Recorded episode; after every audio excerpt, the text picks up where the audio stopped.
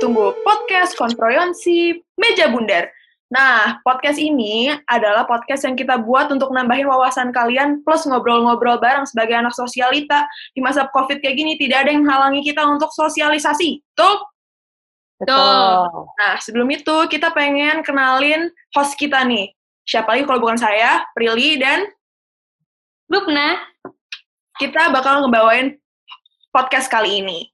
Nah, biar kalian tambah wawasan, kita pengen ngebahas tentang meng- cara menghadapi klien. Dan kita punya narasumber yang pas banget untuk ngebahas ini.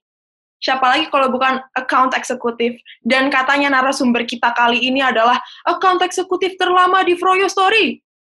Mari kita, mari kita tanya-tanya dan kita interogasi gitu ya. Halo Kak, Ya. Halo semuanya. Hai Kak. dulu Kak. Ya. Eh sebelumnya ya aku mau koreksi dulu karena takutnya nanti ada miskom.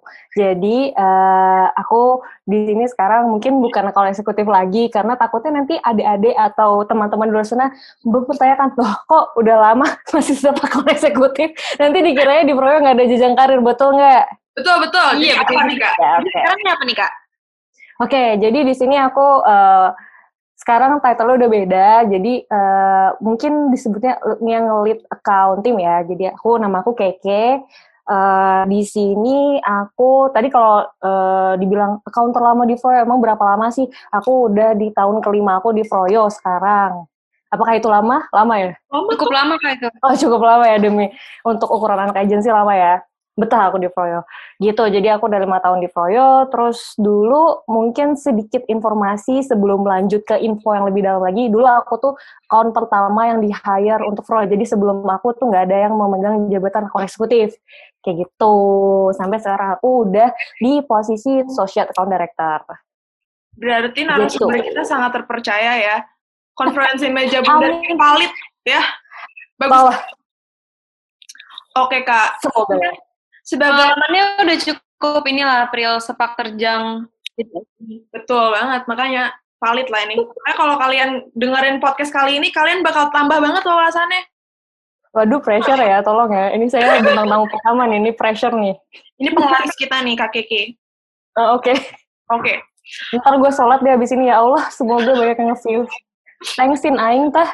Nih Kak, sebagai eh, sebagai millennials yang kayak masih bingung Hmm. pengen kerja sebenarnya pengen kerja di mana ya kayak pengen di Hmm. agency tapi kata-katanya sih kerjaannya tuh hektik terus kerjaannya tuh banyak banget gitu nah aku pengen Hmm. nanya sama kakak nih kenapa sih kakak kerja di agency gitu Oke, jadi sebenarnya sih eh, ini aku nggak pernah ceritain ke siapa-siapa karena kalau di Froyo rumornya, rumornya ya, karena waktu interview aku bilang cita-citaku jadi konsekutif sampai sekarang masih dicengin. Wow masih dicengin. Sebenarnya enggak. Jadi eh, asal masalah tuh gini. Dulu tuh aku tuh sebenarnya tuh cita-citaku tuh sesimpel pengen kerja pakai baju yang lucu-lucu. Udah sesimpel itu aja. Pengen kerja pakai baju bebas, terus pengen kerja yang keren. Karena dulu tuh kamu tau gak sih film 13 Going 30 yang dia jadi editor in chief majalah. oh iya Ah, iya, ah, iya. Itu yang Anne Hathaway Mhm. Anne Hathaway itu siapa ya? Gitu lah pokoknya. Terus aku ngeliat wow gila.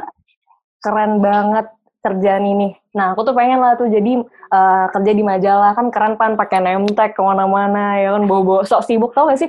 Kalau du- kalau dulu aku tuh bilang kayak orang yang sok sibuk tuh kayak panitia pensi warawiri gitu loh. Nah aku tuh aku tuh pengen jadi keren wah keren banget nih kayak gini gitu kan.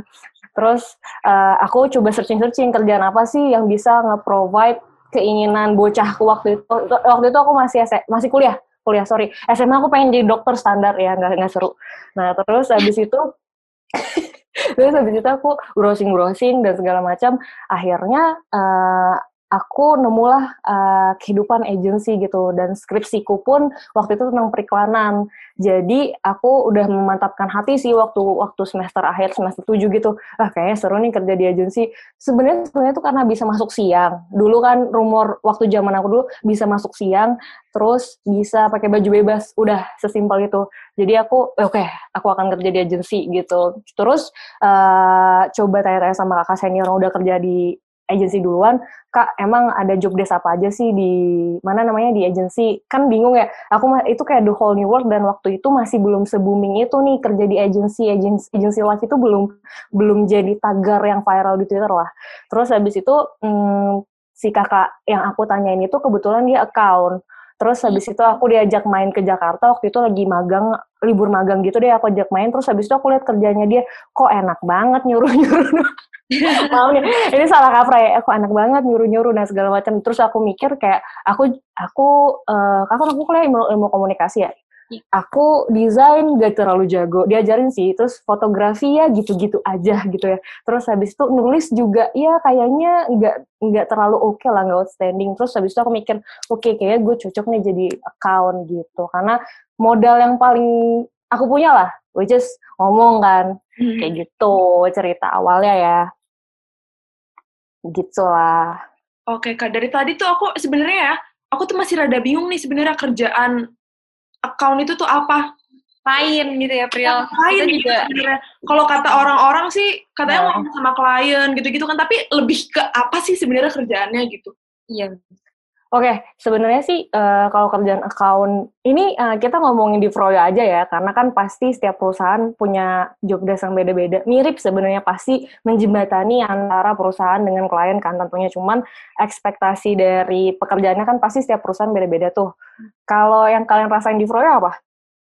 Hmm. Kalian kan udah udah lama nih, pernah hmm. berinteraksi sama tim account nggak?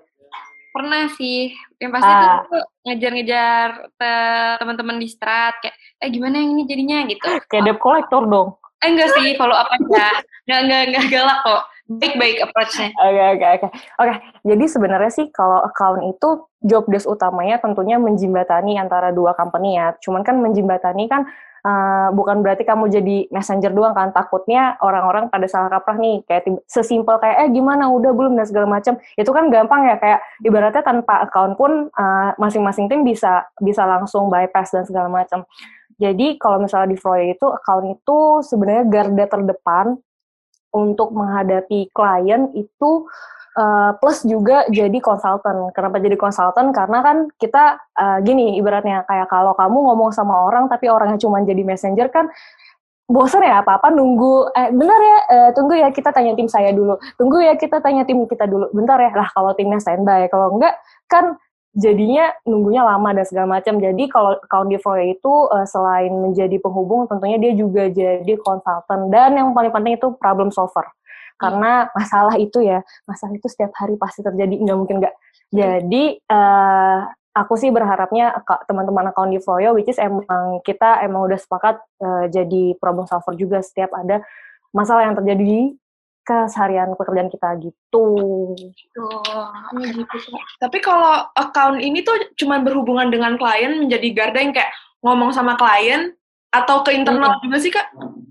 Ke internal juga dong karena kan uh, kita nyampein apa yang klien mau ke internal.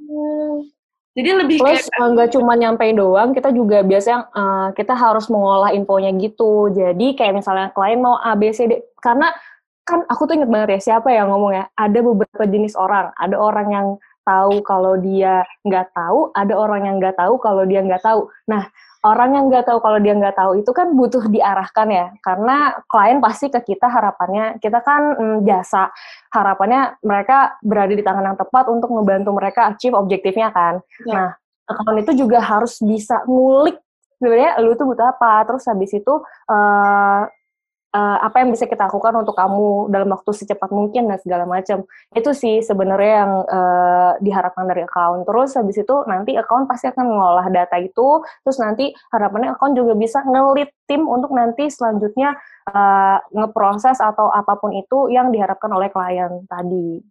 Hmm, baik, gitu. baik, baik, baik, baik. Ada ini nggak sih kak kayak pengalaman yang lucu gitu waktu jadi account?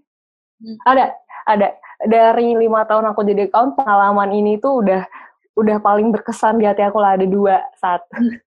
Jadi kan aku tuh kan uh, home hometownnya tuh nggak di Jakarta. Aku tuh kuliah juga nggak di Jakarta. Kalau anak Jakarta bilang anak daerah ya aku tuh baru tahu pas pas di Jakarta tuh ternyata orang Jakarta tuh bilang orang di luar Jakarta tuh adalah sebagai orang daerah gitu. Jadi kayak bener gak sih? Pada anak Jakarta kan ya, betul betul ya sih. Nah, ya, waktu itu aku meeting. Jadi uh, aku tuh hari pertama, hari pertama banget aku masuk tuh udah diajakin meeting. Udah nggak tahu bajunya proper apa enggak, aku nggak tahu hari itu aku diajak meeting, aku langsung diajakin meeting saat itu juga. Terus udah ikut aja dulu kata uh, Kang Dika sama kali ini kayak gitu kan. Udah ikut aja. Ya udahlah, aku ngintil aja masa nggak mau? Gitu nggak mungkin kan. Terus habis itu ikut lah meeting meeting meeting. Udah so asik udah so so iye so paling pokoknya account tuh pede aja pede aja.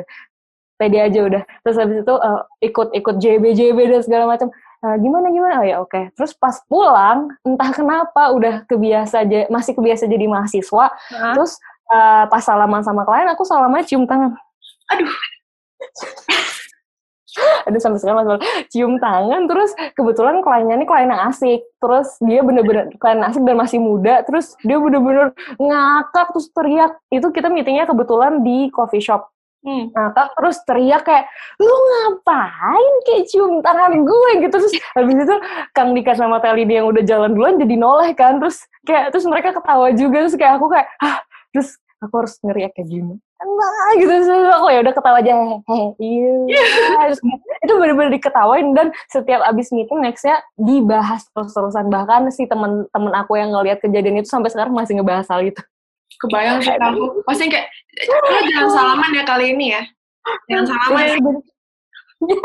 iya kayak eh, eh, emang gue eh, nyokap lo? gitu gitu kan aduh aduh wah mbak aku kira marah gitu. Ternyata enggak dia emang dia emang bercanda orang uh, kliennya kocak kebetulan jadi kayak oh, syukurlah ya cuma dicengin doang ya udahlah aku bisa menangani itu semua. Gitu. Hmm menurut aku ya uh, jadi account tuh paling berat tuh sebenarnya hmm, manner waktu ngobrolnya sih. Itu kan nggak bisa diajarin by teori gitu kan. Kalau misalnya email atau misalnya ngomong soal pekerjaan yang benar-benar mbak ini uh, kontennya seperti ini ya ideasinya seperti ini itu kan masih masih bisa di rehearse gitu loh. Masih bisa diajarin masih bisa hmm. disimulasikan sebelum itu kejadian. Tapi kalau misalnya udah kayak manner atau kayak obrolan casual tuh menurut aku dari dulu tuh sangat challenging banget. Kayak tadi kayak aku harus gimana ya? Apakah oke okay kalau misalnya aku bicara santai atau apakah oke okay kalau aku ngebahas ini? Itu kan jam terbang. Nah, makanya bagi uh, teman-teman yang jadi account menurut aku tuh pertama doing your research sih. Kayak misalnya kamu bisa tanya ke senior kamu atau kamu bisa uh, cari tahu misalnya uh, klien udah tahu nih nama lengkapnya, cari tahu di LinkedIn, cari tahu di Instagram mungkin. Jadi doing your research itu penting banget kayak misalnya, oh ternyata si klien ini suka diving. Lu pas ngobrol kan jadi enak, eh mbak kemarin uh, ini ya suka diving ke sini ya atau apa. Cuman emang yang perlu dijaga tuh garis tipis antara sotoy dan so asik dengan akrab sih itu sih. Betul, betul, betul. Jadi dengan kita kayak research orang itu kan kita jadi tahu dia tuh kayak gimana orangnya betul. kan. Jadi lebih aman betul, kita untuk ngobrol kan. Betul. Sebenarnya kayak kamu PDKT ke gebetan sih, kayak kamu PDKT, PDKT ke gebetan kan kamu pasti pengen tahu lebih lanjut dia tuh orangnya kayak gimana biar nggak yeah, biar yeah. nyambung dan segala macam. Nah, menurut aku itu sangat penting untuk dilakukan sih. Jadi account ini tuh salah satunya stalker juga sebenarnya ya? eh, stalker tuh ya. negatif way, cuman iya bisa dibilang seperti itu ya kayak itu udah otomatis sih kayak oh ini siapa aku tuh selalu uh, kepo dan alhamdulillahnya tim aku juga uh, punya bakat kepo gitu kayak oh ternyata si mbak ini tuh ini ya kak gitu kan. Misalnya aku ngobrol sama tim oh iya aku malah baru tahu kalau dia ternyata baru punya anak atau ternyata dia tuh lagi mengalami hal apa dan segala macam. Karena hmm, penting banget di pekerjaan ini untuk memandang klien itu bukan bukan sebagai benda mati sih. Hmm. kayak mereka tuh manusia juga mereka juga punya perasaan mereka punya kehidupan. Jadi itu membuat kita lebih lebih santai dan lebih gampang masuk buat ngobrol sama mereka sih. Nah, Berarti dengan gosip kita jadi punya pandangan nih klien jadi kayak gimana ya? Ya, bisa jadi salah satunya dari gosip. gosip sih, Pril. Mungkin kayak bakat intel. Ya sih, Kak? Bisa jadi. Ya. Bisa memahami jadi. orang ya, memahami ya. kondisi orang lain. Orang gitu. Positifnya ya. itu bukan gosip kok, itu cuman kayak intel aja, cuman kayak sedikit. No gibah, guys, no gibah.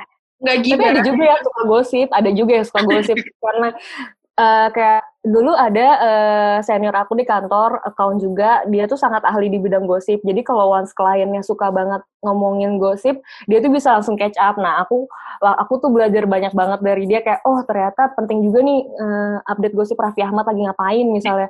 Atau benar loh. Atau atau uh, kalau Raffi Ahmad kan artis TV kalau misalnya uh, influencer digital kan emang sudah seharusnya kita tahu ya. Karena kan buat keperluan brand atau apa.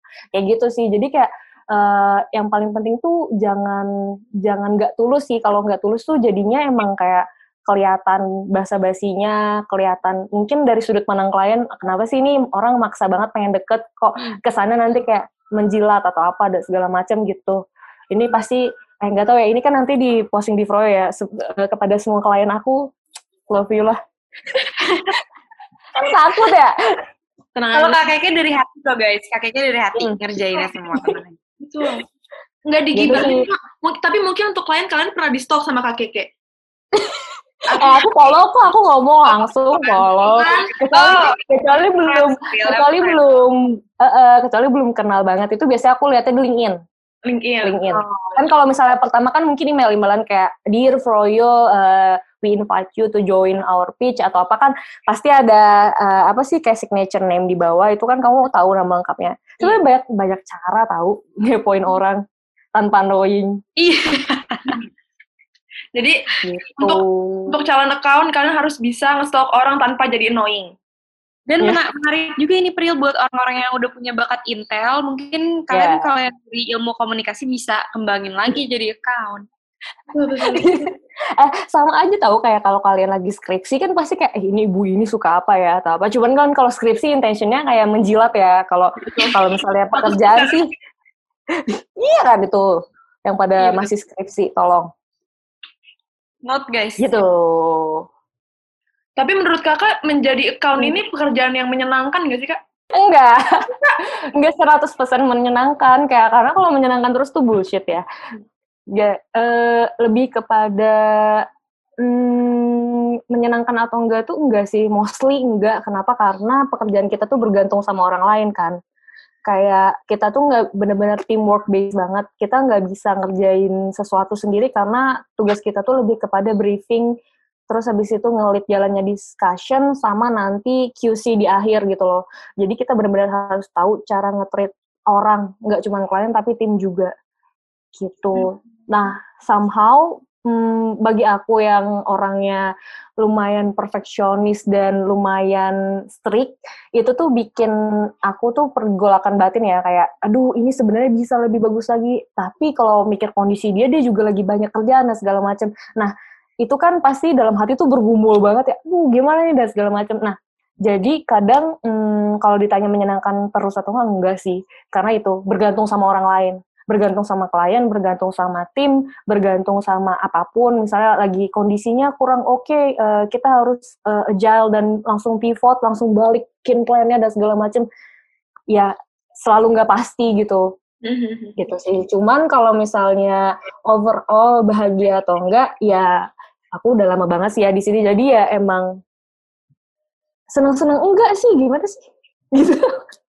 Ya lah ya Tapi pasti selalu ada tantangannya ya kak. Mungkin kakeknya suka tantangannya itu kali. Jadi seru terus. Nah, ya, jadi kenapa aku, jadi pertama mungkin aku suka banget di pekerjaan ini tuh karena aku tuh orangnya menghargai small win gitu loh. Jadi kalau misalnya ada problem, terus uh, tim atau aku atau uh, yang berkaitan sama aku semuanya tuh bisa overcome itu, misalnya aku sendiri ataupun bareng-bareng sama tim, aku tuh merasa puas gitu loh, kayak, wah, bisa nih gue conquer ini dan segala macam. Nah, perasaan small wins itulah yang kayak jadi bensin atau bahan bakar aku buat semangat terus gitu loh. Hmm. Nah, kalau aku pribadi sih gitu ya. Iya, iya, iya. Terus aku tuh orang cara aku belajar itu, hmm, aku suka baca sih, cuman gak suka baca yang ilmiah atau baca berita gitu kan. Mhm. Cara aku membaca, eh, cara aku belajar itu dengan mendengarkan. Nah, account itu pekerjaan yang paling tepat buat aku karena aku lebih kepada eh, effort yang aku lakukan kan mendengarkan diskusi dan segala macam. Nah, aku bisa ngolah info itu untuk nanti disebarin ke yang lain dan segala macam. Jadi eh, dua hal itu sih yang menurut aku membuat pekerjaan ini tuh sangat menarik dan masih belum masih belum kepikiran untuk coba yang lain sih. Begitu. Baik, baik, baik, baik, baik. Kalau begitu, aku pengen nanya nih ya kak. Dari tadi kan kita udah Hmm. ngomongin account tuh gimana. Tapi tips Hmm. selain stalking itu tips untuk menghadapi klien nih. Ini highlight dari semua ini. Dari tadi kita ngobrol, ini Ya. highlightnya. Mhm. Oke. Tips untuk menghadapi klien itu adalah uh, bullshit kalau pede doang. Menurut aku harus ada knowledge sih. Kalau jadi kalau kamu hmm, semua tuh about preparation sih. Kalau kamu udah ke prepare atau kamu udah nge-prepare diri kamu dengan info-info atau dengan knowledge, kamu pasti PD itu akan muncul dengan sendirinya gitu loh. PD itu PD itu bahkan lebih mudah untuk uh, kelihatan kalau kamu udah ada bekalnya. Itu sih menurut aku. Jadi knowledge.